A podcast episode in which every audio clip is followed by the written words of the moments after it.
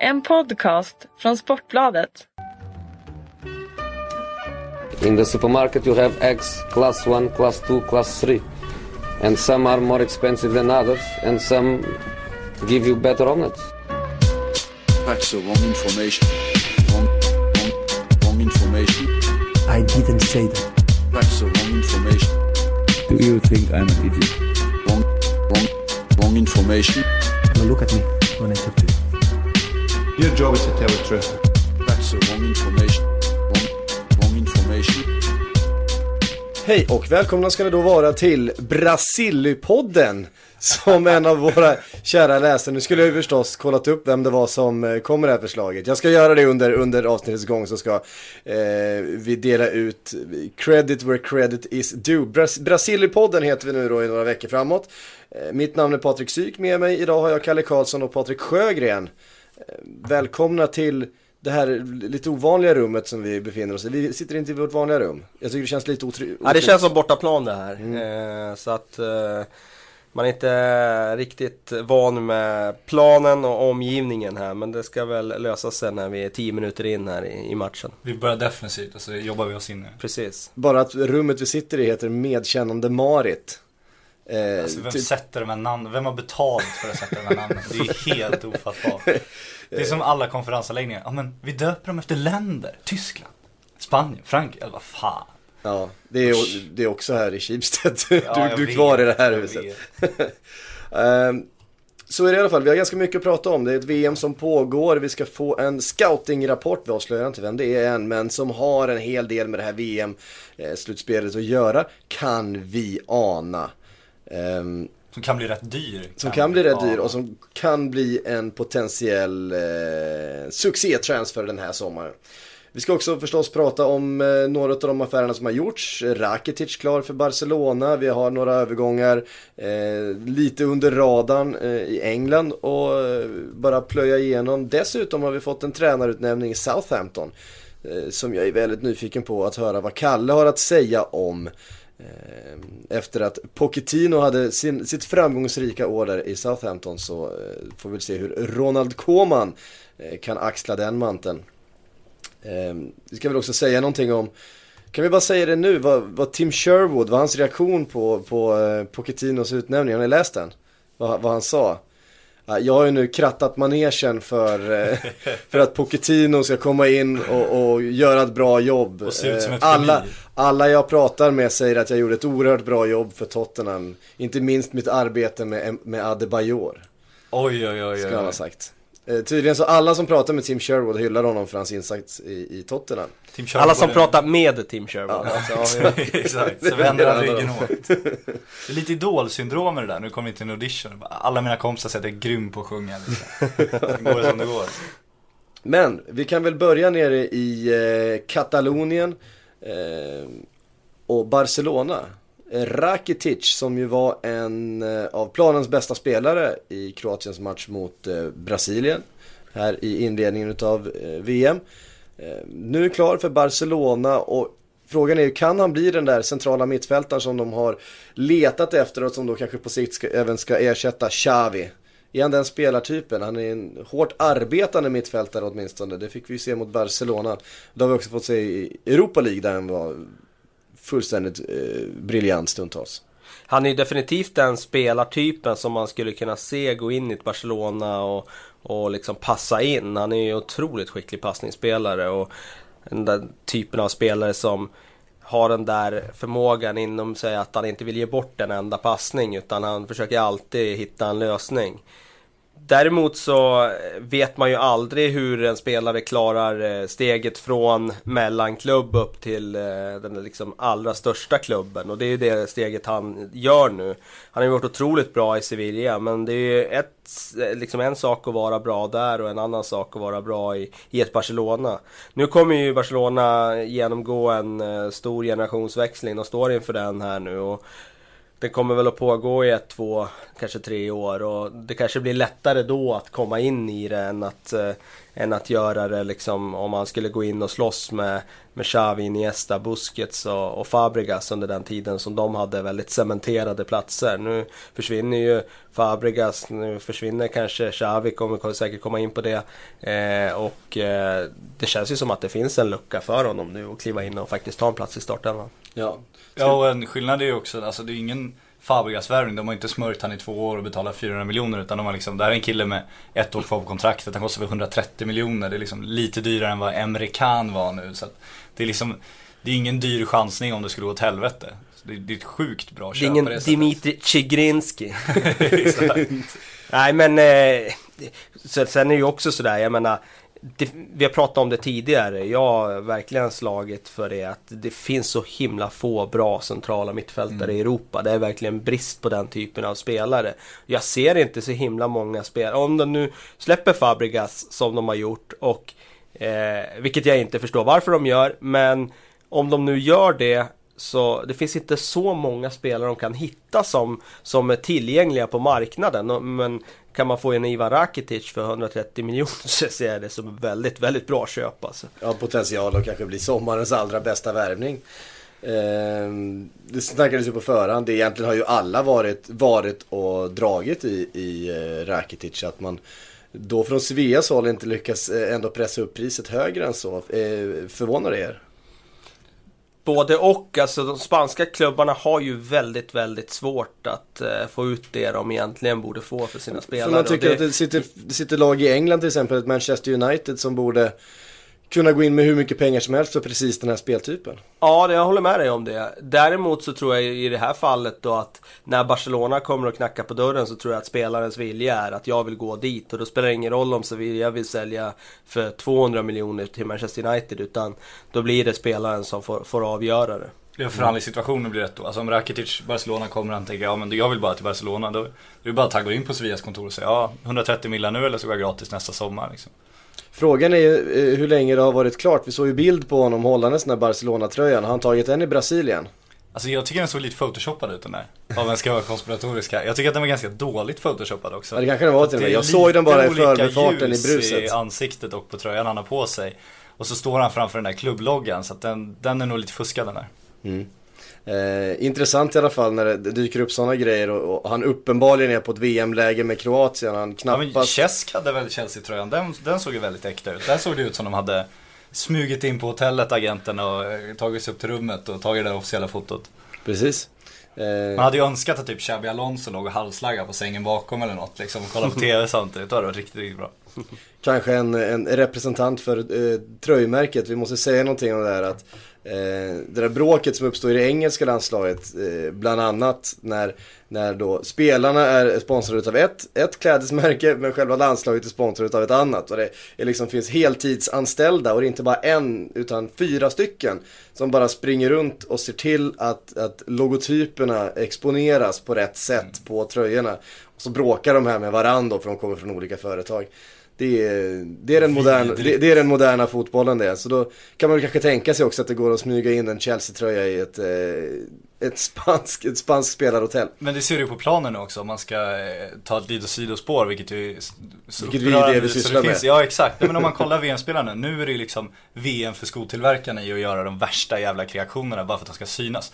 Det senaste att man gör, man tar fram ett, liksom en skomodell som ska ha olika färg på höger och vänster. Det är ju inte spelarna som har bytt, utan det är ju liksom fabrikanten som har bestämt att så här ska det vara.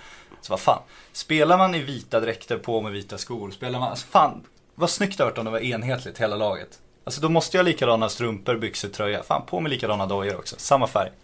Ja, alla skor i VM är ju dessutom customgjorda ju. Eh, precis efter, efter spelarens önskemål och gjorda helt efter. Så de kan ju få dem med precis eh, vilken utformning. Men det är väldigt stora pengar det handlar om och hade inte den delen utav, utav det hela funnits. Så hade spelarna bara tjänat bara 800 tjänat miljoner per år. Fan, vad jobbigt. Mindre än vad de gör idag. Eh, Helvete vad synd om dem. Nej, det är Ja, tungt. så är det. Det är, det är tufft att vara fotbollsspelare. Man tvingas ibland ha färg på skorna som, man inte, som inte alltid matchar ögonskuggan.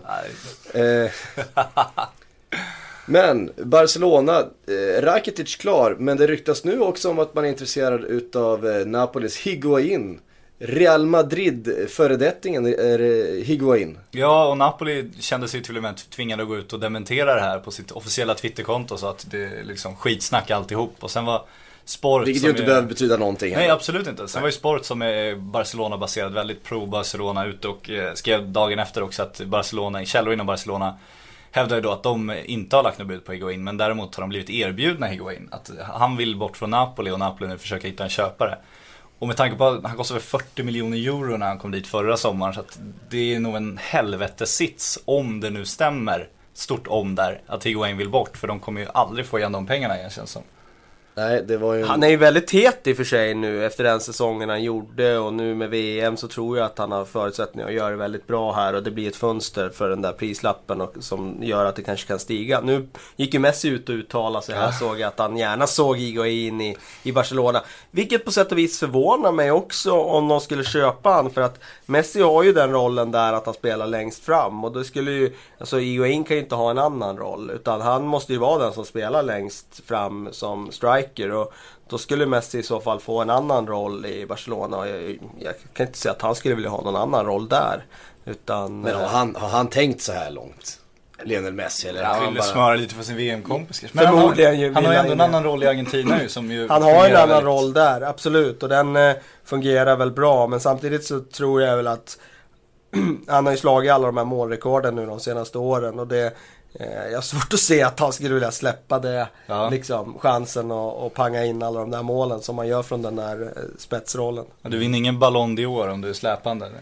Det kan han säkert göra ändå. Han är ju så pass bra. Men eh, jag tror inte att han eh, gör 50 mål från den släpande rollen. Higuain som ju var väldigt nära Arsenal förra sommaren. Eh, förvånande, vi har varit inne på det, att det inte blev någon affär där. Det kändes som det var i stort sett klart och eh, som handen i handsken den värvningen. Sen blev det Fast Napoli till slut. Det är väl teorin det där att de trodde att de kunde få Suarez och sa nej till Higuain för att de de var överens med Suarez och Suarez hade en klausul. Ja. Så att så konstigt var det inte till slut. Tror ni det finns någon möjlighet att Arsenal eh, sparkar igång sitt gamla intresse för Higuain nu när han uppenbarligen finns tillgänglig på marknaden? Ja, eh, alltså tror och tror. Det är ju alltid det där liksom eh, Arsenal. Man vet ju aldrig vad man har dem riktigt när det gäller sånt där. Rimligen borde de ju göra det kan jag tycka. För att skulle de få in en Iguain där längst fram då känns det ju väldigt eh, intressant plötsligt. Eh, för deras del. För att det är ju den där striker-positionen som, som jag tycker att de måste lösa i första hand. Och, eh, Visst, vi snackar Joel Campbell nu som, som, som Wenger säger att han ska tillbaka. Men alltså den typen av unga lovande spelare har de ju liksom haft i, i, i många år nu utan att det liksom... De får inte den där spetsen som gör att de kan gå upp och kriga om ligatiteln. Han är väl inte den, målkungen, den striken på det sättet heller. Han känns ju mer, han var ju väldigt imponerande i VM men då fick han ju ligga som ensam som kontringsspelare, löpa mycket, ligga rätt lågt emellanåt. Det kommer han ju inte göra ett Arsenal i så fall. Nej. Då är det ju frågan ifall man hellre ska lägga sina resurser på en Mario Balotelli. Det ryktas faktiskt en hel del. I början av fönstret så ryktades det en del om Balotelli. Det svalnade av men nu har det blossat upp igen. Eh, inte minst då eh, sen Balotelli gjorde en bra match mot England och de engelska journalisterna de är inte De är inte djupare än så att de helt plötsligt sparkar igång lite gamla rykten eh, kring Balotelli och en engelsk klubb då och då har det varit Arsenal det handlat om. Men någonstans så eh, finns det ju någon rimlighet i, i eh, Balotelli till Arsenal. Alltså, det, finns ju, ja, det finns ju det här om man ska, om vi, man ska ta engelsk media lite för De gillar ju de här popnamnen som säljer tidningar så är det ju. Om Balotelli gör en bra match mot England så kommer han ju bli ett intressant namn för de engelska läsarna. Som, de intervjuar ju två fans på stranden där i SVT. De kunde liksom säga ett namn i Italiens landslag, det var Pirlo, det var en av de kände till. Och det var för att han hade liksom chippat Joe Hart ett par år tidigare. Och då är ju Balotelli, vart ska man placera han? Ingen stor klubb, Vad finns det som liksom är, finns lite logik i? Då blir det ju Arsenal, då är vi ändå på jakt efter en forward och han är ju lite svårplacerad i, i typ Manchester City nu eftersom han liksom gjorde en viss eh, uppmärksammad session där tidigare. United behöver inte den typen av anfallare och så vidare. Så att på så sätt är det ganska logiskt. Och det vore ju intressant om Arsenal fick en Mario Balotelli som håller käft, presterar på topp och liksom är lagspelare. Men det är ju inte den Mario Balotelli som kommer åka in i sin kamouflagebil då. Utan det är, det är ju den gamle Mario Balotelli som samlar Panini-bilder och bara klistrar in sig själv i Italiens lag. Och jag vet, jag vet inte om Arsene Wenger vill se ett, ett Arsenal i nästa Panini-album med bara Mario Balotelli i. Det, det känns tveksamt. Ja, varför inte?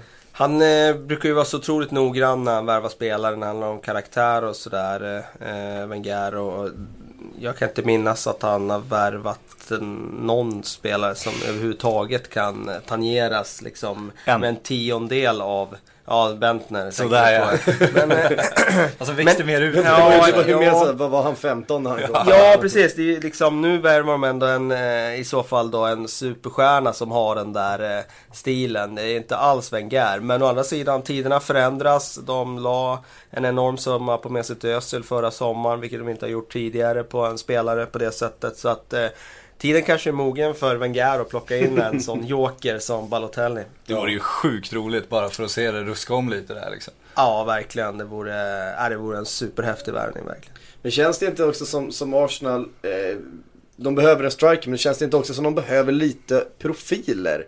Lite, någon som rör om lite grann, precis som du säger. Om man går tillbaks till den här storhetstiden för tio år sedan ungefär. Då man hade en, en Vieira, man hade eh, liksom spelartyper som stack ut, som var liksom tydliga, tydliga ledarfigurer och, och, och, och stora stjärnor. Det känns som man saknar lite, lite det idag. Ja men det var ju, typ, det var ju också ledare som stack ut. Balotelli sticker ju inte ut som en ledare utan han, han sticker ju ut som en, ja, han leder väl sig själv om man, om man, om man har tur liksom, om man, på den nivån. Så det är ju en viss skillnad där men absolut hade Florentino Perez varit ägare för Arsenal hade han inte varit nöjd med tröjförsäljningen där liksom. Han hade ju velat ta in några, några namn som liksom kan, kan göra reklam för det varumärket och det, ska man tänka ekonomiskt så hade ju Arsenal såklart mått bra av det. Premier League är enormt i Asien. Får de in en Mario Balotelli och kan liksom marknadsföra honom på rätt sätt skulle han ju självklart dra upp hela den aspekten, vilket ju kan vara Och jättevärdefullt. man gick, ju, man gick ju tungt in på Suarez förra året. Det är ju inte en spelare med, som kom från det absolut cleanaste track recordet eh, till den sommaren. Den här, den här året har han skött sig lite bättre men då kommer han med en avstängning för att ha bitit Ivanovic eh, dessutom. Och, och Arsenal vilja att gå in tungt så kanske. Men kollar man speltyper där också så vet man ju, alltså Suarez, han var ju fullständigt galen, men han var ju fortfarande galen för lagets bästa någonstans. Han jobbar ju arslet av sig varje match, han ville verkligen att det skulle gå bra för laget. Mario Balotelli är ju lynnig på ett helt annat sätt. Han, liksom, han är ju en större egoist, så det finns ju en viss skillnad där ändå. Kanske ligger närmare Benzema som har pratats om eh, också lite grann. En spelare som i sina bästa stunder är, är helt fenomenal men när humöret inte riktigt är där så, så kan han försvinna helt ur i stort sett vilken match som helst också. Tror ni att eh, Real Madrid släpper Benzema den här sommaren? Ja, jag tror de släpper han om de får in eh, en annan striker och då skulle väl vara Suarez då som det har snackats lite grann om. Eh, annars så ser jag ju honom som, eh, med den här våren i åtanke, som tillräckligt bra för att vara main man i Real Madrid. Men de behöver ju en till anfallare, det måste de ju nu när... Ja precis, men då, då, då känns det väl som att de blir lite för trångt där om de skulle ha både... Alltså de är lite för bra för att vara etta, tvåa, Suarez, Benzema. Jag har svårt att tro att Benzema är sugen på att vara kvar som andra val. Vi måste nämna Morata här också ju. eh, Vi var inne på det förra veckan. Har ju ryktats hur länge som helst i Arsenal men det verkar inte som eh, de riktigt kan komma överens där. Nej, det är ju bekräftat att han ska gå nu i alla fall. Det har de ju gått ut officiellt med. Men det luktar väl Serie A. Det känns som de flesta sådana spanska ungdomar som liksom ändå har, har skaffat sig ett visst rykte har ju någonstans hamnat i Italien känns. Och problemet var väl det som vi var inne på förra veckan också att eh, Real Madrid vill verkligen ha den här återköpsklausulen. Och det är inte någonting som Arsenal är intresserade av att sitta på en spelare, betala pengar för honom för att sen då bli tvungna att sälja tillbaka honom till, till Real Madrid. Det är inte en, en sits man vill sätta sig i utan jag tror att ska man värva så ska man värva för en, för en lång tid, någon som ska vara en del av ett lagbygge. Eh, inte värva ett frågetecken inför nästa sommar eller nästnästa. Ja, I alla fall inte om man är i, liksom, i den hierarkiordningen som Arsenal är. Är man liksom eh, avsevärt längre ner Ja, i den liksom, eh, rangordningen. Då, då kan man väl kanske köpa en sån om man är ett Levante liksom. Men Mm. Och- och vi eh, pratar- Arsenal kan inte acceptera att köpa spelare på det sättet. Och vi pratar en spelare som kommer starta väldigt många matcher också. Det är ju liksom, det är inte en bänkspelare som de är på jakt efter. Utan det är en, en spelare som ska kunna tillföra en dimension till en startelva. Eh, och då är det klart att man, man vill kunna veta att, att blir det här en väldig framgång så är det någonting vi kan bygga, bygga övrigt lag runt. Men de inte ha Nisan att gå nu, nu ska de också ha in en som är ännu mer spets. Campbell. Ska vi säga någonting om Joel Campbell?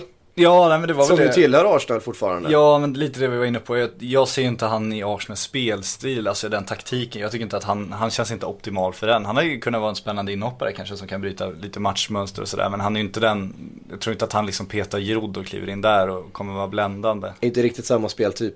Nej, verkligen inte. Mer rivig, mer löpstark. Inte, jag tror inte han är den avslutaren heller. Men, men en jättespännande kille och gör han ett bra VM ska ju Arsenal få väldigt bra betalt för honom om inte annat. Mm. Och det har, ser han ut att kunna få. Han har börjat eh, väldigt optimistiskt får man säga. Lite tuffa matcher kvar nu bara.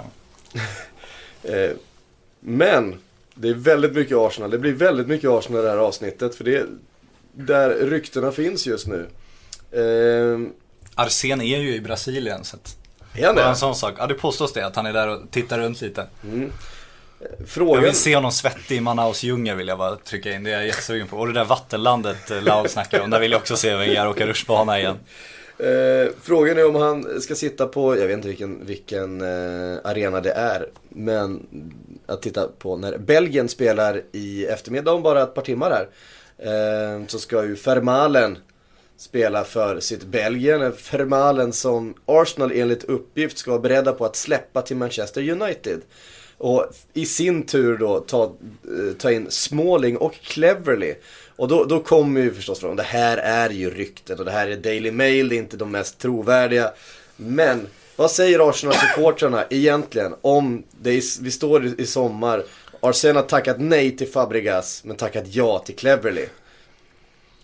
Ja, då, nej, då det- kom, då kom, då kom ju. Wenger out hashtaggen att, att trenda worldwide. Det Den bli- var, den var lite otippad, så mycket kan man säga. Däremot så måste jag ändå säga, Smalling har ju gjort, tycker jag, en väldigt, väldigt svag säsong. Eh, ingen utveckling alls har man sett på honom egentligen. En, egentligen inte sen första halvåret han gjorde United. Där han faktiskt imponerade då eh, efter flytten från Fulham. Men som Arsenal, som kanske letar efter eh, liksom en mittback som kan gå in och vara fjärde mittback.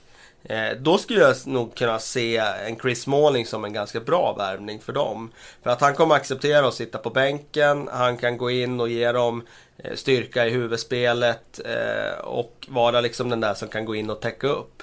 Men eh, eh, jag tycker väl lite, faktiskt att han är kanske lite för dålig för att vara tredje mittback också. Så att eh, de skulle behöva värva kanske en tredje mittback då bakom första paret av Mertesacker Koscielny. Och sen ha Småling som alternativ som högerback och som eh, backup som mittback. Då tycker jag han fyller en funktion i en trupp som Arsenals idag. Som hade, tycker jag, en brist förra säsongen med att man hade inte tillräckligt många mittbacksplats, eh, liksom spelare.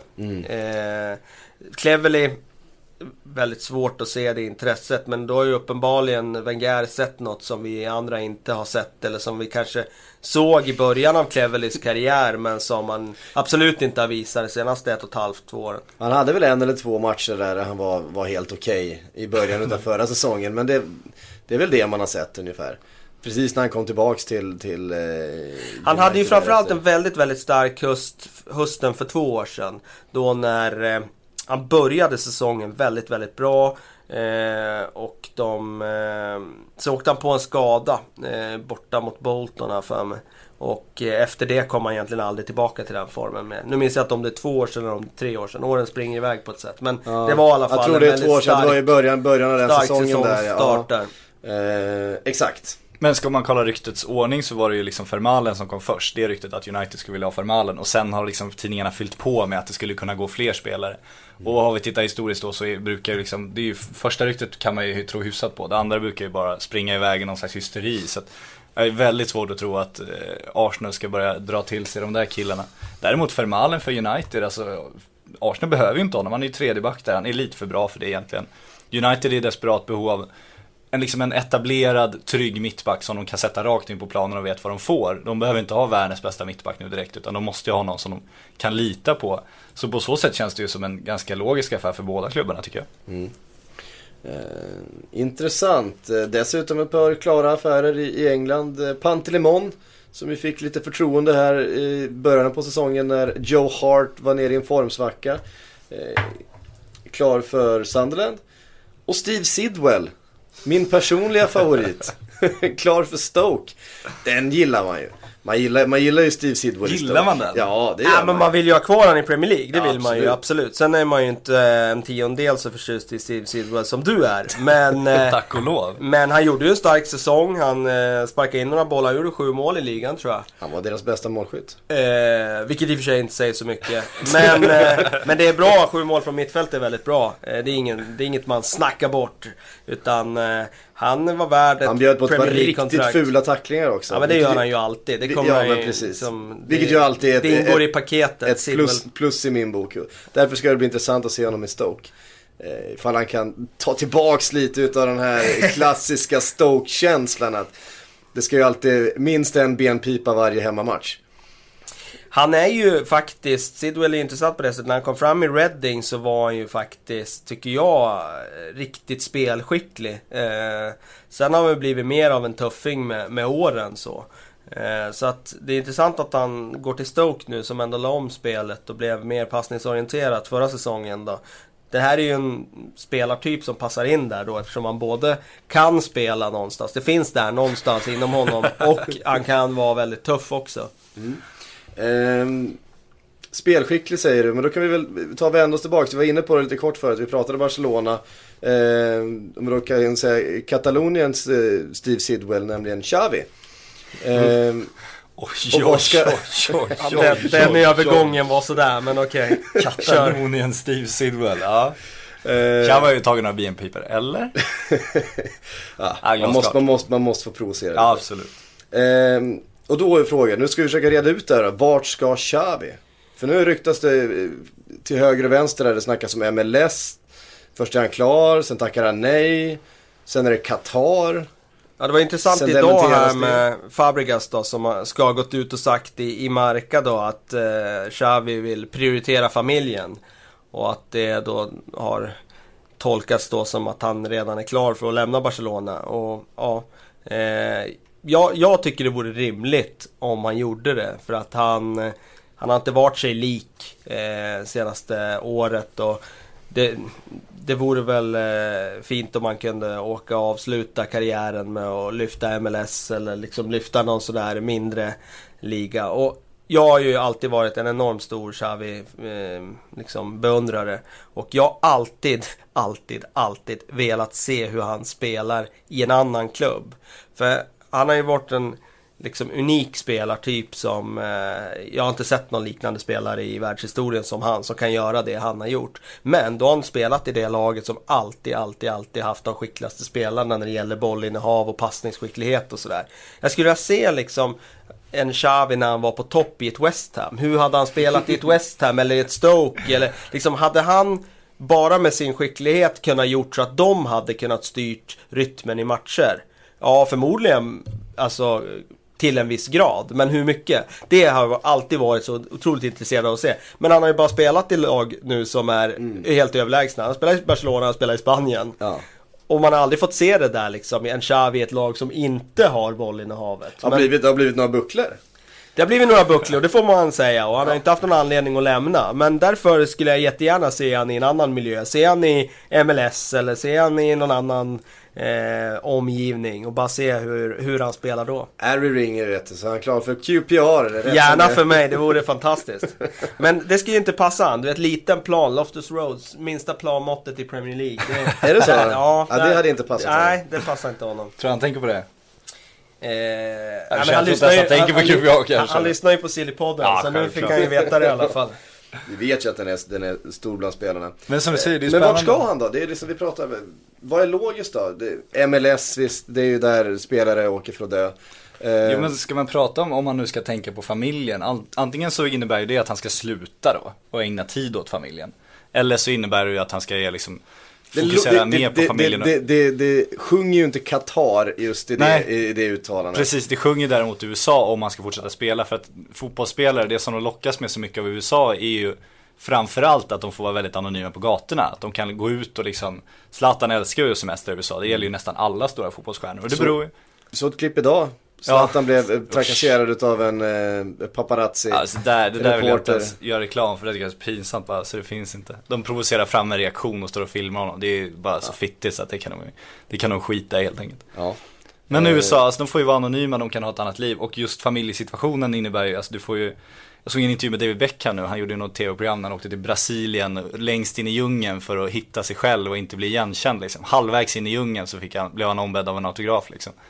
Han gjorde ju ett annan, annan sak när han åkte till USA, men han var ute i en park då med sin son och spelade fotboll och då, då insåg han, det var väl något år efter han lagt av då, då sa han det, det är första gången jag spelar fotboll sen jag slutade och det, det är första gången jag är i en park på 12 år.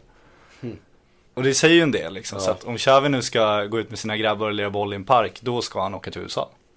Så är det nog ja. Eh, den sista tillflyktsorten för, för fotbollselefanterna. Eh, där, de inte, eh, där de kan gå som vanliga människor. Vi kanske får eh, sluta bara, bara sänka MLS som den elefantkyrkogård.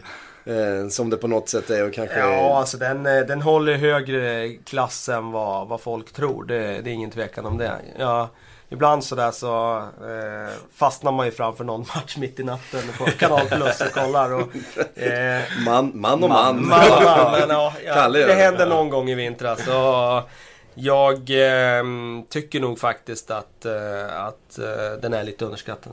Det finns en fransman i Seattle Sounders som man kan eh, youtuba, nu har jag glömt bort vad fan han heter. Eh, han gör bara drömmål. Han, han är lite såhär Matthew Latizier. Eh, som, som bara gör, gör såna här riktiga dunderstrutar. Honom kan man googla. Seattle Sounders. Och det måste man säga, om vi bara ska säga någonting om USA. Att man har faktiskt börjat få en fotbollskultur där. Och en, eh, en rörelse för fotbollen. Och den, eh, inte minst då den, den engelska fotbollen har börjat bli riktigt, riktigt stor. Har ganska höga tittarsiffror för att vara, för att vara sport mitt i natten. Eh, I USA. Och Det är faktiskt under ganska VM så intressant. kom det ju bilder när de stod på stränder i Chicago, vad sjutton det var. Om det finns en strand i Chicago, det vet jag inte ens om det finns. Men, nej, men det bara Det gör det. sinnessjukt mycket människor. Mm. Så det finns ett intresse. Jag tycker problemet med MLS, om de ska lyfta kvaliteten på ligan, är ju ett problem att de bara värvar varumärken fortfarande. Det är ju ligan som värvar spelare, det är ju Mm. inte klubbarna i den utsträckningen. Det är ligan som betalar för det viss del. Och då tar de in någon Ri Beckham, liksom, de tar in sådana Fredrik Ljungberg. Sådana som folk liksom ska känna igen som ser bra ut på Chippen. Eller Oksana kanske man ska säga. exakt så. David Villa och ja, men sådana killar liksom, som ska kännas igen på affischer på stan liksom. De kanske hade mått bra av att satsa mer på en en Xavi tror jag inte, kanske inte har samma marknadsvärde, men han skulle kunna lyfta spelet till en annan nivå. Kanske hitta lite yngre spelare som inte är fullt så bra än och liksom Men de får fotbollen. inte dem än. Alltså ligan där borta har inte den statusen så att en ung spelare går dit. Det är ju lite så det är. Då blir det liksom en svensk ung spelare Ja, som jo. åker dit. De har, ju, de har ju dessutom, precis som Allsvenskan, en ehm, eh, vår-höst eh, säsong. Alltså en sommarsäsong Mm. istället för en vintersäsong då som man spelar nästan hela Europa. Vilket gör att ska du låna ut en spelare för en säsong så hamnar han på otakt med då den Mm. säsongen för det egna laget. Om, om vi pratar från någon av de större, större ligorna eh, och större klubbarna. Vilket ju förstås eh, blir ett problem. Men ska man Ja, lå- låna ut i några månader och, och bli garanterad speltid och eh, sådär. Då kan det kanske vara att, eh, vi får väl se nu då med Manchester Citys projekt här och med David Beckhams projekt. Eh, med de ingångarna som finns till engelsk fotboll där. Ja, det är svårt emot mästerskap också. Vi sett tidigare att de, de spelar ju knappt på våren liksom. Så in mot VM och sådär så har ju spelare som varit intresserade av att spela mästerskap har ju tvingats hitta en annan klubb. Beckham gick ju till Milan och den enda anledningen att han ville spela VM. Ja, och vi har ju sett eh, Landon Donovan i Everton ett par, Ja. par sessioner. Eh, Gick ju sådär i år men. För honom och VM tänker ja, nej det blev inget VM. Det känns som att det saknas något i USA när Landon Donovan inte är med i ett VM. Alltså, Ja. eh, pratar vi VM och VM-historien så, alltså, han slår sig in på listan över liksom, inte de 10 men alltså de 25 bästa mittfältarna i VM-historien. Där måste han vara med tanke på hur otroligt bra han alltid har varit när det har varit ett mästerskap, VM. Liksom. Stor Samtidigt- profil. Ja. Men samtidigt kanske det säger någonting då när, när de får in en Klinsmann som kanske inte tittar på reklamaffischerna utan faktiskt försöker bygga ett lag och peta största profilen som Absolut. man ändå gör. Absolut. Så att, och det gick ju, man kan ju inte klaga nu med tanke på att det gick premiären. Så. Och USA kommer vara med, som alltid, underskattade, men man får aldrig räkna ut dem. Nej, nu har de en tuff grupp får man ju De säga. har en men de väldigt har ju tuff börjat grupp, bra. men- Om Portugal kommer rejält i gungning nu. Då, Lag, laganda är något de är väldigt bra på i det där landet, det måste man ge dem. Ehm, vi lämnar USA där och eh, tar oss tillbaka, nu ska vi prata lite eh, Koman, Kalle. Eh, som tränartyp tar alltså över Southampton Ett Southampton som har byggts upp under några säsonger där, där Pochettino var senast in och faktiskt var den som tog klubben till den här nivån man, man höll den här säsongen. Fått fart på eh, spelare som Lalana, Luke Shaw, eh, Rodriguez. Vad ska Ronald Koeman med, med bror Ervin, som följer med, eh, göra med det här laget? Första blir väl att försöka behålla så många spelare som möjligt från att bli sönderköpt. Ja, man kan ju tänka sig att eh, det är ett bra läge att komma in i SA-15 nu med tanke på att det är en klubb på frammarsch eh, sett till förra säsongen och sådär. Men jag säger tvärtom, det är ett ganska otacksamt läge att komma in i med tanke på att Ricky Lambert redan har försvunnit, Luke Shaw är på väg bort, Adam Lallana är på väg bort. De har ju visserligen en väldigt fin ungdomsverksamhet men att lita på att de ska spotta ut nya spelare som går rakt in i elvan och, och, och lyfter dem i Premier League redan nästa säsong, det blir tufft. Facts are wrong information. Wrong, wrong, wrong information. Vi blev utsparkade ur eh, rummet där vi satt. Det som vi... vi Bortaplan. bortaplan ja, precis. Så nu är du tillbaka på hemmaplan? Ja men nu är vi på någon neutral arena va? Är det inte så? Ja, lite så. Det är inte, det är inte poddrummet, det är någon annan skit. Lite så. Eh, vi höll hur som helst på att prata om Ronald Koeman och Southampton och man kan väl säga så här, vi var ju inne på att de redan har tappat eh, tre nyckelspelare får vi säga för att eh, även om Lalana inte är klar för varken Liverpool eller Tottenham eller någon annan som har intresserat sig så, Räkna så, så, inte kom, ut Lalana än tycker jag. så kommer han, ja, du, du öppnar för att han kan bli kvar. Nej men jag tycker det här känns så jävla pricey. Jag, tycker det, jag vet inte om det är ett bra köp helt enkelt. Så Det jag, är för mycket pengar. Han är svindyr och han har gjort en topp, topp, topp säsong. Och liksom, han är inte 21 år och kommer utvecklas. Han, är, han ska ju pika nu. Och då lägga så mycket pengar på Adam Lallana. Jag, jag är tveksam till om någon borde göra det och därför om någon kommer göra det. Men hur som helst Luke Shaw, men det har ju också pratats om att en eh, Klein, Dejan Lovren eh, kommer vara på väg bort. Jay Rodriguez finns Jay det. Rodriguez. Nej, det är ett väldigt tufft läge att komma in i. Och sen, Koman har ju aldrig varit sån där tränare som, som har stannat någon längre tid i en klubb. Ja, det är ju Ajax där och där han hade Zlatan en gång i tiden och, och, och blev kvar ett tag. Eh, men sen är det ju väldigt många sådär säsonger liksom. Eh, eh, ettårssessioner i, i Benfica och eh, AZ var han väl också i under ett kort tag. Och sen eh, Benfica var, ti- ja, det var tidigare ja. Och eh, sen eh, och senast här nu då i Feyenoord, där stannade han ju ett par år. Men han, väldigt svårt eh, att få grepp om honom. Det, mitt starkaste minne av eh, Ronald Koeman det är ju hans eh, tid i Valencia. Där det blev fullständig katastrof. Och han, eh, han blev ju osams där med klubblegendaren Albelda där. Och, petade ju honom och Albelda satt och grät på någon presskonferens där och resultaten gick åt Fanders och eh, klubbpolitiskt gick det åt Fanders för Koman. Och så fick han sparken och så tog de tillbaka Albelda och så var fansen nöjda igen och sen eh, spelade ju Albelda flera år till i, i klubben sen. Så att eh, Han kom snett in i det kan Ja, det kan man lugnt säga. Och, eh, ja, eh, alltså, det blir väldigt intressant att se vad han kan En stor tillföra. profil förstås. Ja, självklart. Jag menar som spelare var han ju en helt fantastisk eh, libero på den tiden. Och, eh, man från min generation så var jag en av de allra största då när man sprang runt på skolgården. Det var många som ville vara Koeman på hårt den skott. tiden. Ja, det var ju det. det, var ju det. Han var Men- out, outsidern till den där offensiva trion i holländska landslaget som han gillade så mycket. Men en, eh, det var någon som skrev på Twitter som också är intressant då. Eh, han är ju väldigt god vän med John Guidetti sen tiden i Feyenoord. Var ju den som liksom fått ut mest av Guidetti, som ju är på klubbjakt nu. Skulle han kunna vara ett namn för dem? Ja, det, det var väldigt flera som skrev och frågade om det faktiskt där när det blev klart. Och det ligger väl nära till hans att tro att en, en tränare går i gamla, liksom, gamla spår och, och, och letar spelare. Och då kanske det- det är så att han skulle kunna plocka in en Guidetti. Samtidigt så måste ju han också ha sett att Guidetti var liksom helt i kylan i Stoke. Ska då ett bättre lag som Southampton ta in honom för att vara liksom ersätta Jay Rodriguez som han flyttar då. Det, de har också svårt att tro att de kanske litar på Guidetti efter de här två åren där det liksom inte har hänt någonting. Men, men Mike har hans nummer, det kan vi vara säkra på. Mike Guidetti. Pappa och agent. Ehm, Som Citystjärnan var helt fascinerad av att han var i- italiensk ättling så. Michael Richards bara, det var en diskussion på Twitter där. De var helt chockade över att Mike kunde vara italienare. Känns väldigt amerikanskt. Väldigt smalt att prata om Mike Guidetti också. Det, så det är stor så- kan jag nog inte. Men, Det är så vi jobbar. Absolut. Det, det är absolut så vi men jobbar. han är nog den enskilt viktigaste personen i John Guidettis karriär. Så lite relevant är han. Så får man säga. Ehm, förresten, ni spelade Drömelvan, eller hur? Ja, ska vi tala om det känner jag. Vi har ju en, eh, en egen liga.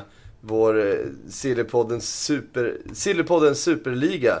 Det går inget vidare för mig heller. Jag ligger på 908 Ja, den ska jag plats. anmäla mig till. Det har jag inte gjort än. Du är inte med där? Nej, jag måste gå Kalle missar den. Vi är 2043 lag kan vi bli. Ja, det är bra. Stabilt. Det är bra. Jag ska, jag ska anmäla mig där. Bra, Ja. in och kriga. Eh, du får heller inte vara med och spela om den här iPad Mini. Nej, det får man Som vi kan avslöja. Det, det, det har vi avslöjat sociala medier här tidigare. Men det, vi sa det aldrig under förra. För det var inte helt klart vad vi skulle ha som, som första pris. Eh, Vi kuppar igång ligan så vi, gjorde, vi vi gjorde det.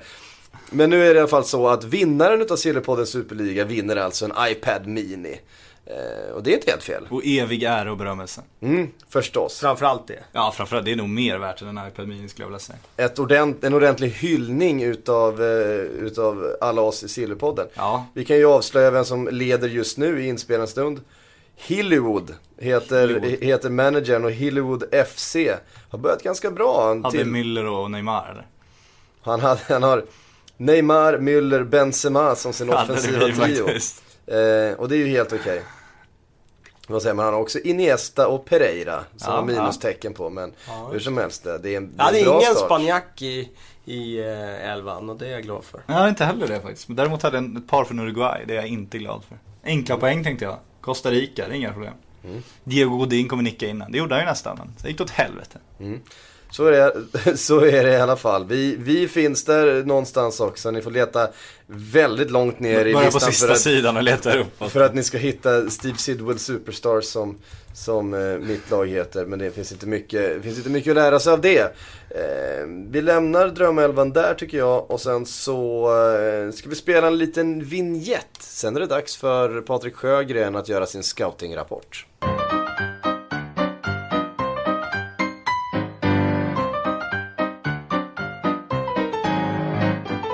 Och där hade vi den, pianoklinket. Som indikerar att det nu är dags för scoutingrapporten denna vecka. Eh, Som har lite VM-11-koppling kan man säga. Han känns som en, ett fynd där eventuellt. Nu har jag inte kollat vad han kostar men... Verkligen, en spelare som det pratades om före VM. Mm. Som eh, gjorde det väldigt bra i öppningsmatchen. Gjorde två assist bland annat. Det är Aurier. Serge Ja, Aurier. tänk jag precis. gissade. Eh, som vi ska få höra mer om Patrik Sjögren. Varsågod. Ja, tack. Eh, ja, han spelar för Elfenbenskusten kanske vi ska säga. Alltså till båda målen, 2-1 seger mot Japan var de mötte va? Och eh, som de flesta i Elfenbenskusten så har han ju hittat till Ligue 1 och eh, spelar för Toulouse. Han är dock inte född i Frankrike som många andra i Elfenbenskusten faktiskt är. Eh, han är högerback och det talas ju om att Arsenal ska ersätta Bakary Sagna med denna Aurier. Men eh, han är ju mer än högerback kan man säga. Han har spelat eh, trebackslinje flera gånger, både till höger och till vänster. Så att han kan ju spela centralt. Han har även figurerat på mittfältet. En väldigt så allround-spelare. Och eh, helt skild från Sagna. De är helt olika eh, speltyper. Vilket ju gör det här raka bytet lite märkligt. Utan vi flaggade ju för det redan i förra podden att Aurier kanske redan var påtänkt innan de visste att de skulle förlora Sagna. För att han går att använda på väldigt många olika positioner och är en poängspelare. Kollar man Sagnas senaste 72 ligamatcher för Arsenal så gjorde han två mål, fyra assist. Eh, Aurier gjorde i år 25 ligamatcher, gjorde fem mål, sex assist för Toulouse då. Så att eh, han är målfarlig med huvudet, väldigt bra i luftduellerna, vann 70% av dem förra säsongen. Vann eh, 84% av sina tacklingar, 48 av 54. Så han är en bra, även brytningssäker spelare. Och då är frågan vad de ska använda honom till. För att det känns inte som om han ska ha liksom någon, någon halvdefensiv högerbacksroll. Utan tar man in Aurier så ska man nog ge honom lite fritt, fritt fält framåt så att säga. Så det kan mycket väl så att de eh, har honom som alternativ även fast eh, Sagnas plats fortfarande är öppen. Men en ruggigt spännande spelare, 21 år. Och har ju flörtat intensivt med Arsenal på sociala medier får man säga. Han har kastat ut tröjor med sitt Ja, namn på. Han har, jag vet inte vad han gjort. Så, så de Han har har en stor profil där. folk som har påstått att han redan var klar och sådana saker. Ja, och han kan ju ersätta Frimpongs insatser på sociala medier rakt av. Alltså, så att det, det finns ju ett, ett, ett hål att fylla där om inte annat. Ja. Eh, Chef för sociala medier Ja, exakt. har ju dessutom gjort sig av med Bentner så att det finns Ja det ju- finns många profiler, ja en profil här kan han ju bli om inte annat. Nej men ruggigt spännande spelare som ju ser ut att få sitt genombrott. Och det man kan diskutera nu är, är Arsenal-fans skulle jag hoppas att de redan har en deal klar. Så att, för det känns som hans prislapp är på ja, väg absolut. uppåt Den kommer att stiga om man fortsätter som man gjorde i första matcherna, utan tvekan. Och vi har varit inne på det, defensiva spelare, backar. Eh, Är det, det, som det är på många positioner just nu känns som bristvara. Eh, Det är lite, utbudet den här eh, silly-sommaren är betydligt mindre än efterfrågan på de flesta positioner. I alla fall när det kommer till världs, världsklass liksom. Det känns som att det har blivit fler klubbar på absolut högsta nivå när man kollar Frankrikes intåg med Monaco PSG och det har, liksom, det har kommit fler storklubbar i Premier League också med diverse shejker och annat. Så att det, det är ju fler superklubbar som ska slåss om de här spelarna känns det som. Och då är ju en poängspelare, en ytterback som dessutom kan spela på minst tre olika positioner. Som är 21 år utvecklingsbar och håller på att slå igenom i VM. Det, det är svårt att inte vara lockad av en sån spelare. Mm. Kalle, vad säger du om Orier och det du har sett av honom? Nej, men jag skriver under på det som Patrik säger. Eh, han eh, är en annan spelartyp än Sanja. Där han är liksom en klok spelande back som eh, står rätt och har sin främsta kvalitet i kanske sin positionsspel och bolltryggheten så är ju Orier ett fysiskt monster som kommer att kunna eh, ta sig fram på sin kant eh, via sin snabbhet och sin eh, rivighet. Och sen har han ju faktiskt visat nu i första matchen här att han är väldigt, väldigt bra inläggsfot. Och det är klart att få in den typen av spetskvalitet det är ju alltid intressant. Mm. Spännande. Har vi någon prislapp på honom? Vad, vad är han värderad till? Ja, Den är svår att säga. Nu lär ju den förändras under VM om den där dealen inte är klar. Innan VM hade man kunnat tänka dryga 100 miljoner. Jag tror inte att man skulle behöva betala mycket mer för honom. Ja, det är ju som allra mest tror jag. Ja, och nu eh, om man fortsätter så här som man gjort hittills, då eh, kan det bli huggsexa. Jag tycker ju till exempel ett PSG hade ju varit intressant att få in en, en så rivig offensiv högerback i. De är ju på jakt efter Dani Alves, det är ju ingen hemlighet. Men det känns som en 21-årig Aurier hade varit... Eh, Och då hade ju, då i förlängningen då, om Barcelona ska släppa Dani Alves då, eh, då hade ju alltså, Barcelona kunnat varit Ja. intressant, alltså, intresserad av en sån typ av högerback också. Det har pratats lite grann om Tottenham också, har varit och dragit till Aurier här före VM. Kan bli svårt för, för, den, för en sån klubb utan, utan Champions League till exempel. Att, kan bli svårt för Aurier att gå till Tottenham nu när han skickade ut sina Arsenal-signaler också. Jag hur det skulle landa där riktigt. Fast det där har vi sett, det där spelar ingen roll nu för tiden. Det är liksom sådär. Så länge man levererar fråga van, per, sen, fråga det- van Persie. Ja, Ja, man ser fram emot första presskonferensen då. Aurier säger såhär, Tottenham har alltid varit min dröm. Exakt, exakt. Det är det som är så. Får jag också göra en scoutingrapport från eh, VM? eller? Ja men självklart. Eh, I så fall plockar jag fram en annan ytterback eh, som jag blivit förtjust i. Också två assist. Eh, Daley Blind från, eh, från Holland som 24 år och det är klart att eh, man eh, hade väl eh, aningar om att han skulle vara bra med tanke på att han blev vald till holländska ligans bästa spelare här. Men att han skulle kliva in mot Spanien och vara så bra och visa sån, alltså inte bara de här assisterna gör utan jag tycker han är en så otroligt fin vänsterback. Alltså så bolltrygg som han är och han löste alla typer av situationer. Och, eh, så gör ju det att jag tror att han inom väldigt kort kommer att återfinnas i en, i en storliga och i en toppklubb. Och nu verkar det vara väldigt stort intresse för honom också. Så att, eh, att han flyttar efter VM tror jag också är väldigt stor chans. Eh, prislapp 150 miljoner kanske. Eh, son ska vi säga till den förra storspelaren Danny Blind förstås. Mm, bara det är ju magiskt. Eh, har ryktats om eh, engelska klubbar förstås. Om det, Ajax fostrad, spelade där hela sin karriär såklart. jag Jag var pratas om United helt plötsligt. ja. Tack på managern. Ja, alltså Luis van Gaal borde ju ha en jäkla fördel av att eh, liksom ge honom förtroende i landslaget. Eh, få se det här genombrottet under honom och sen eh, har vi ett United som behöver en vänsterback. Men jag gissar ju att de är så pass långt gångna med Luke Shaw att det fortfarande är huvudspåret. Ehm, Emil Manninen, vi kastar in den då när vi, när vi är inne på spaningen här, eh, ställer frågan. Efter överkörningen av Spanien, vad tror ni om spelare som Blind De Vrij och Martins Indy? Ja, alltså det blir ju alltid så eh, när eh, eh, det blir ett VM så här och spelare slår igenom att det är klart att om Martins Indy fortsätter som han gjorde i första matchen här så kommer han också att hamna i en större liga, det är ingen tvekan om det. Eh, samma sak med De Vries. Så att, eh, nej det gäller alla de där. Ja, men jag tycker man kan kritisera storklubbarna. Alltså, det känns som Ska man värva en spelare känns som man borde ha lite, lite mer, alltså det känns som det räcker med ett bra VM så har du ju ett enormt jäkla marknadsvärde. Men är det inte sådär liksom att de spelarna spelar i holländska ligan och nu för tiden kan man inte ta för givet att en spelare som är bra i Holland Mm. är liksom kan leverera. Så kommer de till VM som är liksom den högsta nivån efter Champions League som kanske är den allra högsta nivån. Eh, och det är klart att visar man då att man kan leverera i ett VM, ja men då är det ett tecken på att ja men okej den här spelaren är the real deal. Så Samtidigt, tolkar jag hur, hur bra kvalitet är det på ett VM då? För om man pratar Champions League så är det lag som är samspelta, de ligger ihop hela säsongen och man spelar ihop flera år. Ett VM samlar ju lag som liksom, det är ju ströplockspelare på ett sätt. Det är inte så många matcher tillsammans.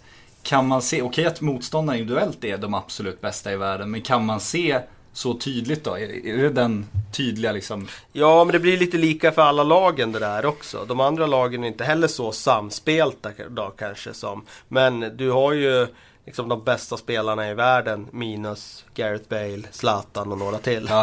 Eh, Sen får, man, ju på sen får man säga beroende på vilket, ja, det är klart möter man ett av de här lagen som Uruguay till exempel som har ett par tre världsstjärnor men, men några av de andra startspelarna inte alls befinner sig på den nivån som, som man kanske vill ha för att eh, kunna se hur bra en motståndare är. Men om man då som holländare då möter ett Spanien där man faktiskt är ganska samspelta. Man har sett ungefär likadana ut i flera mästerskap i rad och vunnit väldigt mycket, varit väldigt framgångsrika och kan vara framgångsrika mot just det laget. Där, det tycker jag talar för just de här holländarna att de eh, visar att de kan prestera på den här just för att det var Spanien man mötte. Där det finns den högsta kvaliteten på, på alla positioner och det är spelare som är vana att spela ihop med varandra.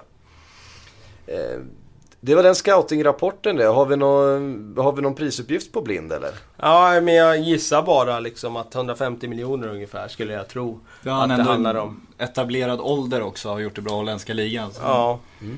Bör ju kosta en del. Då går vi vidare på lite frågor tycker jag. Eh, och vi börjar väl lova ovanifrån i min lista. Det var faktiskt den jag precis ställde där från Emil Manninen. Så vi rör oss till nummer två från Jesper Brandt. Han vill veta mer om Kroos till Real. Det är ett rykte som har snurrat runt lite de här senaste 24 timmarna. Ehm, vem tar han plats? Vem, vems plats tar han i sådana fall? Är det Kedira som eh, får flytta på sig? Eh, vill gärna se honom i helvitt men ser inte riktigt var på mittfältet han ska in. Jag är ju en otroligt stor Tony Kroos eh, supporter. Eh, jag älskar hans spelstil. Men jag kan inte heller riktigt se i dagsläget vad han ska in i Real Madrids elva och göra. Det är självklart att eh, eh, köper man en sån spelare så har man ju en idé om hur man ska spela honom. Men om de ska fortsätta med sitt 4-3-3 eh, så utgår jag ifrån att de centrala platserna är eh, Alonso, Modric, eh, Angel Di Maria kanske. Och då har du ju till och med Kedira utanför den eh, trion i så fall. Och om han inte ens får plats så ser jag inte riktigt vad Kroos ska in. Alltså det är ju en spelartyp som, som är lite lik Modric tycker jag. Inte helt och hållet lik Modric, men han vill ha mycket boll och sådär. Så jag kan inte riktigt se att eh, balansen skulle bli bättre med en Kroos där i Madrid. Faktiskt. Känslan med Kroos är också, alltså han förhandlar ju kontrakt med Bayern München. Och det går åt helvete liksom, han har ju för höga krav och de accepterar inte det. Alltså hade han varit på marknaden uttalat och de hade liksom letat klubb till honom. Då tror jag, då hade vi sett helt andra rykten nu. Det hade varit mycket mer surr, det hade varit mycket fler klubbar som varit involverade i Jag tror till och med att han var klar redan innan VM för Förmodligen någon. så. Så känslan är ju att han sitter och och liksom försöker förbättra sitt förhandlingsläge och det är lite spänt och det är lite låsta positioner där och det finns en väntan. Jag tror ju fortfarande att hans vilja är att stanna i Bayern München, annars hade han redan gått tror jag. Och Bayern München vill ju absolut ha honom kvar. Och Bayern München är en klubb som brukar vara väldigt tydliga i sina affärer, göra dem tidigt och, och, Ja och skillnaden nu, de och få, ju... dem, få dem gjorda och de här eh, sm- små små, vad heter det, prutandet och så som vissa klubbar håller på och, och försöka eh, hitta en miljon där och en miljon där och en liten klausul och en prestationsbaserad bonus och så vidare. Det känns inte som det är någonting som Bayern München överhuvudtaget sysslar med. Så, att, Nej, så hade, de, hade de varit helt intresserade av att sälja honom så hade de, så hade de löst det. De vill ha honom kvar, han vill stanna, det är jag övertygad om. Nu är det ju liksom hur, vart avtalet kommer landa. Jag, jag är 98% säker på att han kommer förlänga det. Eh, Det ryktas ju lite om Chelsea där också, Mm. vilket också förvånade mig med tanke på att de har löst Fabregas nu. Och då ska Kroos in där någonstans med Matic och Fabregas, Oscar och det finns andra Hazard som... och- Ja, Hazard har väl sin plats till vänster där i och för sig. Men, men eh, det är Ramirez. ganska trångt där också. Ja, Eh, det mest logiska ryktet har ju varit United, men nu när de missar CL också så liksom Det känns ju också lite farfetched Ja, det är ju det där om van Gaal kan övertyga honom om att ta ett, ett år i, i öken här då, och, och sen kanske vara tillbaka i CL om Ja. ett år då. Och att de eh, ö, strösslar en jäkla massa pengar på honom liksom. Men lite I mindre lön och ja. bra garantier i Bayern München, en klubb på absoluta toppen. Eh, Det känns, det Ja, känns svårt. det rimliga alltså. är ju att han är kvar. Men som sagt, det stod ju väldigt, väldigt långt ifrån varandra i den där lönefrågan tidigare. Så att det, det kommer nog krävas att de närmar sig här varandra under sommaren. Ja. att han ska signa. Yes, eh, vi går vidare. A Swedish Kule. Eh, Kule, möjligtvis. Jag tror han är Barca-supporter. Det känns Det låter som det, ja. Eh, eh, skriver så här. Varför ville Mourinho ha Fabregas? Känns inte som en Mourinho-spelare. Det känns inte som en Mourinho-spelare, men jag tror att det är en sån spelare som Chelsea behöver om de ska kunna eh, göra det som de inte var kapabla att göra i fjol. Det vill säga, de försökte ju spela fotboll fram till december där de åkte fram på några förluster. Det var ju då Mourinho verkligen drog tillbaka eh, till basics och satte på livrem och hängslen och, och gjorde dem avsevärt mer cyniska i sin eh, approach. Och med Fabregas så får de ju en spelare som kan ge dem mer bollinnehav, ge dem mer alltså, passningsskicklighet och det tror jag är- Alltså det ska bli otroligt intressant att se nu om det räcker för Mourinho för att han ska kunna leverera roligare inom citationstecken fotboll. Eh, vad som är rolig fotboll det är upp till var och en att bedöma. Men den gängse uppfattningen är väl att eh, rolig fotboll är lite mer passningsorienterad än att bara backa hem laget på, på egen planhalva och sådär. Och då tror jag att han kan vara den spelaren som, som bidrar med det. Ja, han jobbar ju med typ uteslutande med riskminimering sista halvåret förra året i Mourinho. Det var liksom inga inkast in i banan, allt ska uppåt och det var väldigt tydliga linjer. Nu får man ju Fabregas, du får ju som du säger en väldigt passiv spelare men du får ju också, alltså det är, det är ju en spelare som kan ge dig bollinnehav utan att han är en sån här riskfylld spelare. Han är ju väldigt trygg, väldigt taktisk och liksom väldigt bra på att bedöma risker på planen också. Så att på så sätt är han ju en, en trygg taktisk spelare också. Som ger dig bollinnehav, låter dig vila med boll och kan vara offensiv kreatör. Mm. Ehm, Gabriel Egrup undrar, hur länge kan Liverpool behålla Sterling? Jag tror de kan behålla honom rätt länge med tanke på att de ändå liksom...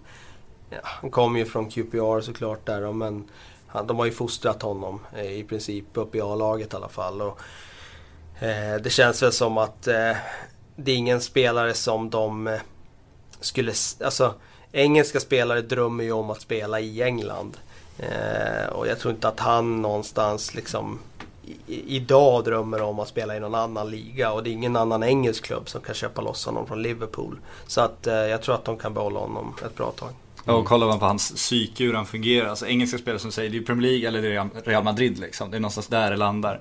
Och man har ju hört de här historierna om när, när de eh, tog in, eh, in Sterling då, att de, liksom, de fick skjutsa hem honom på kvällarna till hans mamma som bodde kvar i, i London liksom. Och fick komma och hämta honom dagen efter. Han var väldigt hemkär och väldigt osäker. Och, Vi ska komma ihåg att han var 16 år gammal då också. så Absolut, han, men han är han har ju blommat så- väldigt tidigt. inte så gammal nu och liksom känns inte som en särskilt mogen individ på det sättet. Så att, jag, att han skulle liksom gå ut och chansa någonstans och riva upp tryggheten igen, det känns ganska osannolikt. Skrev ju ett nytt ganska långt kontrakt här också Ja. eh, under säsongen. Och har ju en roll som man liksom kanske är svårt att få någon annanstans också. Eh, vad händer med Chelseas målvaktssituation undrar Jonathan, nu ska vi se, eh, Lilja. Ja, de kommer ju satsa på check, det är väl övertygad om. De ska prata med Courtois efter VM, sa han ju efter landskampen mot Sverige. När vi fick prata med honom. Eh, då sa han att han ska möta med Chelsea efter VM. Och det de ska diskutera då är förmodligen, jag utgår från att han vill ha vissa garantier från Chelsea på längre sikt. Att han faktiskt är en spelare de kommer satsa på. Kanske inte kommande säsong, men jag tror säsongen efter det. Och då är frågan hur de ska lösa det så länge. Det mest troliga är ju att de får ihop en ny utlåning till Atletico. För det känns ju inte som att Atletico är på någon vild målvaktsjakt just nu som de kanske hade varit i annat fall. De kanske hade huggit på en Claudio Bravo då till exempel, någon annan.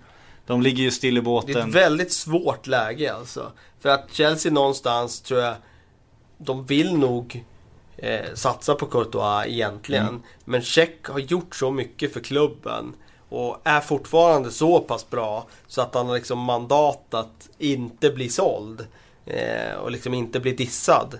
Vilket han eh, i princip måste bli om Courtois kommer in. För jag kan inte se en situation där man har två målvakter som är topp 10 i världen.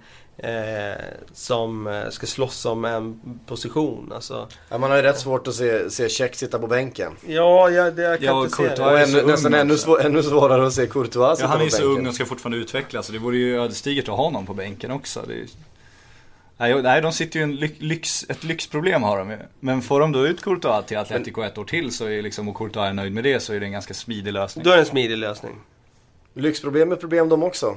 Ja, det brukar vi säga rätt ofta. Ja, så är det. Men målvakter, ska vi ta Victor Valles när vi ändå är inne på målvakter? Ja men det kan vi göra, honom har vi inte nämnt. Det är ett intressant öde där. Monaco hade ju ett avtal klart med Victor Valdes men ska ha backat ut nu efter att det visar sig att skada är lite väl allvarlig så att han kommer missa en stor del av höstsäsongen också.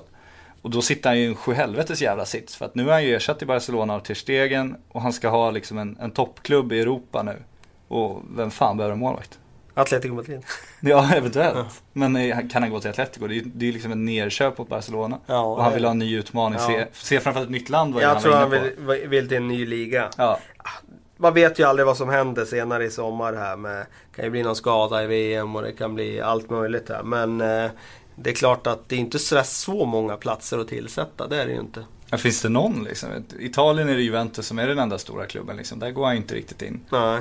Går du till England så känns det ju inte som någon i skriande behov av en målvakt. Med den sortens investering det ändå krävs i lön och så vidare. Nej. Det snackas ju om City nu. De sålde ju Pantelimon till Sunderland och det finns ju de som har, fått för sig då att det är för att göra plats för att ha Valdes och Joe Hart. Men är man Manchester City och har liksom en engelsman i startelvan så vill man väl behålla honom också. Ja. Ja, eh, vi går vidare. Eh, Sebastian Wiborg skriver så här. Eh, följer jag fel Twitterkonton eller har jag dåliga fotbollskunskaper? Jag menar, varför ryktas inte Ricardo Rodriguez till alla? Han är uppenbarligen imponerad. Ja, han gjorde ju en väldigt, väldigt bra match här i, i första matchen här i, i VM. Det är ingen tvekan om det. Eh, jag är väl också lite förvånad i och för sig då att eh, kanske inte har fått den, riktigt den eh, credden och intresset som man borde ha fått. Eh, men det, jag tror säkert det kommer nu efter VM. Mm. Ehm, Samuel Karlsson undrar, den spelaren som imponerat mest på er än så länge i VM? Du var inne på Blind där tidigare som... Ja, det är eh, en Robben om vi tar den som varit bäst, bäst liksom. Sen eh, vi, visste vi ju att han hade en hög nivå. Men den matchen han gjorde mot Spanien, då spelade han ju på en extremt hög nivå. Eh, Pirlo gjorde inte bort sig. Nej, det, det visste vi också i och för sig att han är otroligt bra. Nej, han är ju helt briljant. Men eh, imponerat mest, det brukar jag koppla till vad man har för förväntningar på spelarna. Då är det väl någon sån där ny spelare som man har fastnat för. Och då, ja, vem skulle det vara? Alltså, det är så, jag var lite imponerad av England, att de faktiskt vågade spela ett rätt offensivt anfallsspel och gick ifrån det brittiska lite, gick från en 4-4-2 och lät de här unga, Sterling och så vidare, få förtroende och jag tycker även Lallana när han hoppade Jag tycker de gjorde det bra allihop, så där tycker jag eh, de eh, har något spännande på gång tycker jag. Men det, är- det är ju inte så att man kan lyfta fram någon som några doldisar direkt. Nej, det kan man ju inte göra.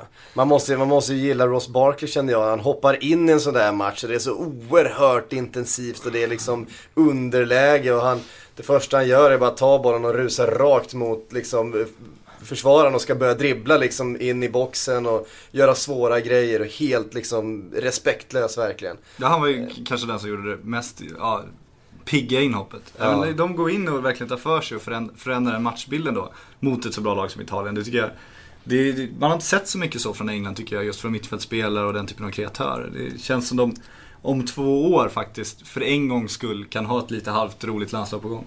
Mm. Om de hittar ett par anfallare också. Du är inte nöjd med Sturridge alltså? Nej, inte riktigt än. Jag tycker inte han är nått den nivån. Starch är väl okej, men jag tycker Rooney är på väg ner. Jag tycker inte Welbeck håller, håller riktigt där. Om vi snackar om de ska gå ut och utmana om ett EM-guld. Men en spelare som man har blivit imponerad av, vi måste ju ta fram någon.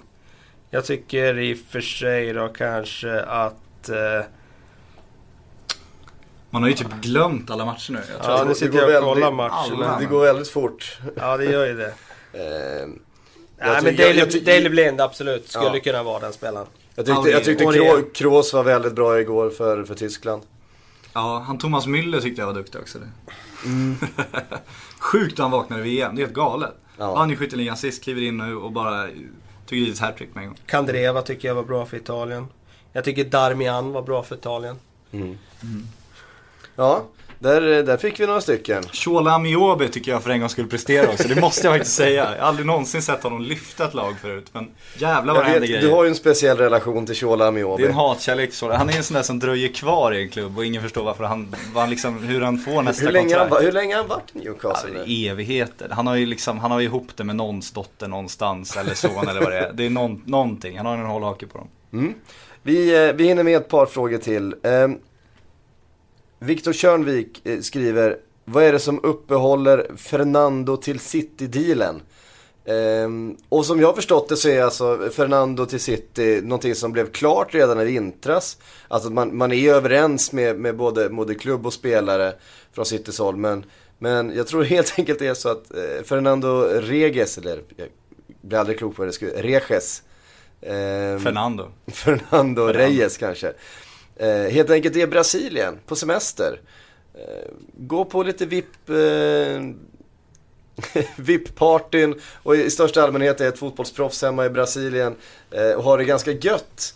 Och man är färdiga med dealen och man väntar med att presentera till semestern är slut. Kan det vara så? Ja, tveksamt. Alltså det finns ju en poäng i att tajma sina presentationer såklart. Men det här är ju ingen eh, Gareth Bale de ska flyga in och fylla en arena och visa upp med någon tröja. Så att då hade det kanske funnits en poäng till att vänta efter VM när liksom den uppmärksamheten inte, är, när inte alla tittar på Brasilien.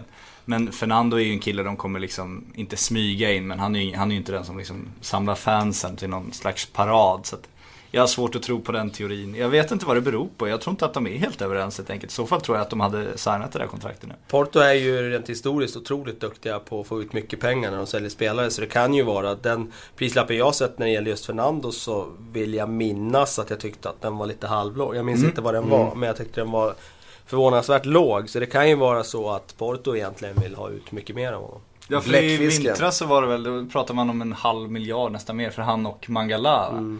Och nu var det väl nere på, jag minns inte exakt, men typ 200 nästan knappt tror jag. Och jag reagerar också på att, fan vad de övervärderar Mangala i så fall. Om han nu ska vara så lågt själv. Då kastar vi in Frans Bevhedens eh, fråga här också. Vilken mittbacksvärvning vore bäst och troligast för Manchester City? Benatia eller Mangala? Mangala är ju mest trolig. Eh, Benatia skulle jag säga är mer färdig. Eh, så att, eh, men eh, ja, eh, ja. Det får väl bli svaret egentligen. Benatia är väl kanske den bästa värvningen på, på ett års sikt. Men Mangala tror jag kan bli en storback definitivt. Det var faktiskt det vi hann eh, bjuda på den här tisdags eftermiddag. Är det någonting som ni vill tillägga? Har vi missat något? Det har vi säkert gjort men det kommer ju fler Silly-poddar framöver. Ja, det gör ju det. det, gör ju det. Eh, med det så säger vi helt enkelt på återhörande. Följ oss på Twitter, det vet ni. Hashtaggen är Sillypodden. Vill ni vara riktigt finurliga så kan ni göra hashtag Brasilipodden. Men då kan jag inte garantera att vi, att, att vi ser vad ni skriver. Ehm, Följ bloggen också. följ bloggen. Den är lite i skymundan av VM nu men den är i full gång kan vi Absolut, garantera. ja, men den är aktiv. Ehm, KK och Patrik och även kanske Kalle någon gång då och då dyker Jag har upp i inte gjort eh, debut i Då- år än men det kommer. Det kommer. Det senaste absolut. inlägget här såg jag var att Hakan Salanoglu ska vara på väg överens med Leverkusen och det är ju intressant faktiskt. Mycket bra, duktig mittfältare från Hamburg. Mm. Spännande. Vi ser ifall vi kanske gör en uppföljning på den till eh, nästa vecka. Tills dess så hörs vi. Hej! I think I worked for 16 years here in England and I deserve a bit more credit than wrong information.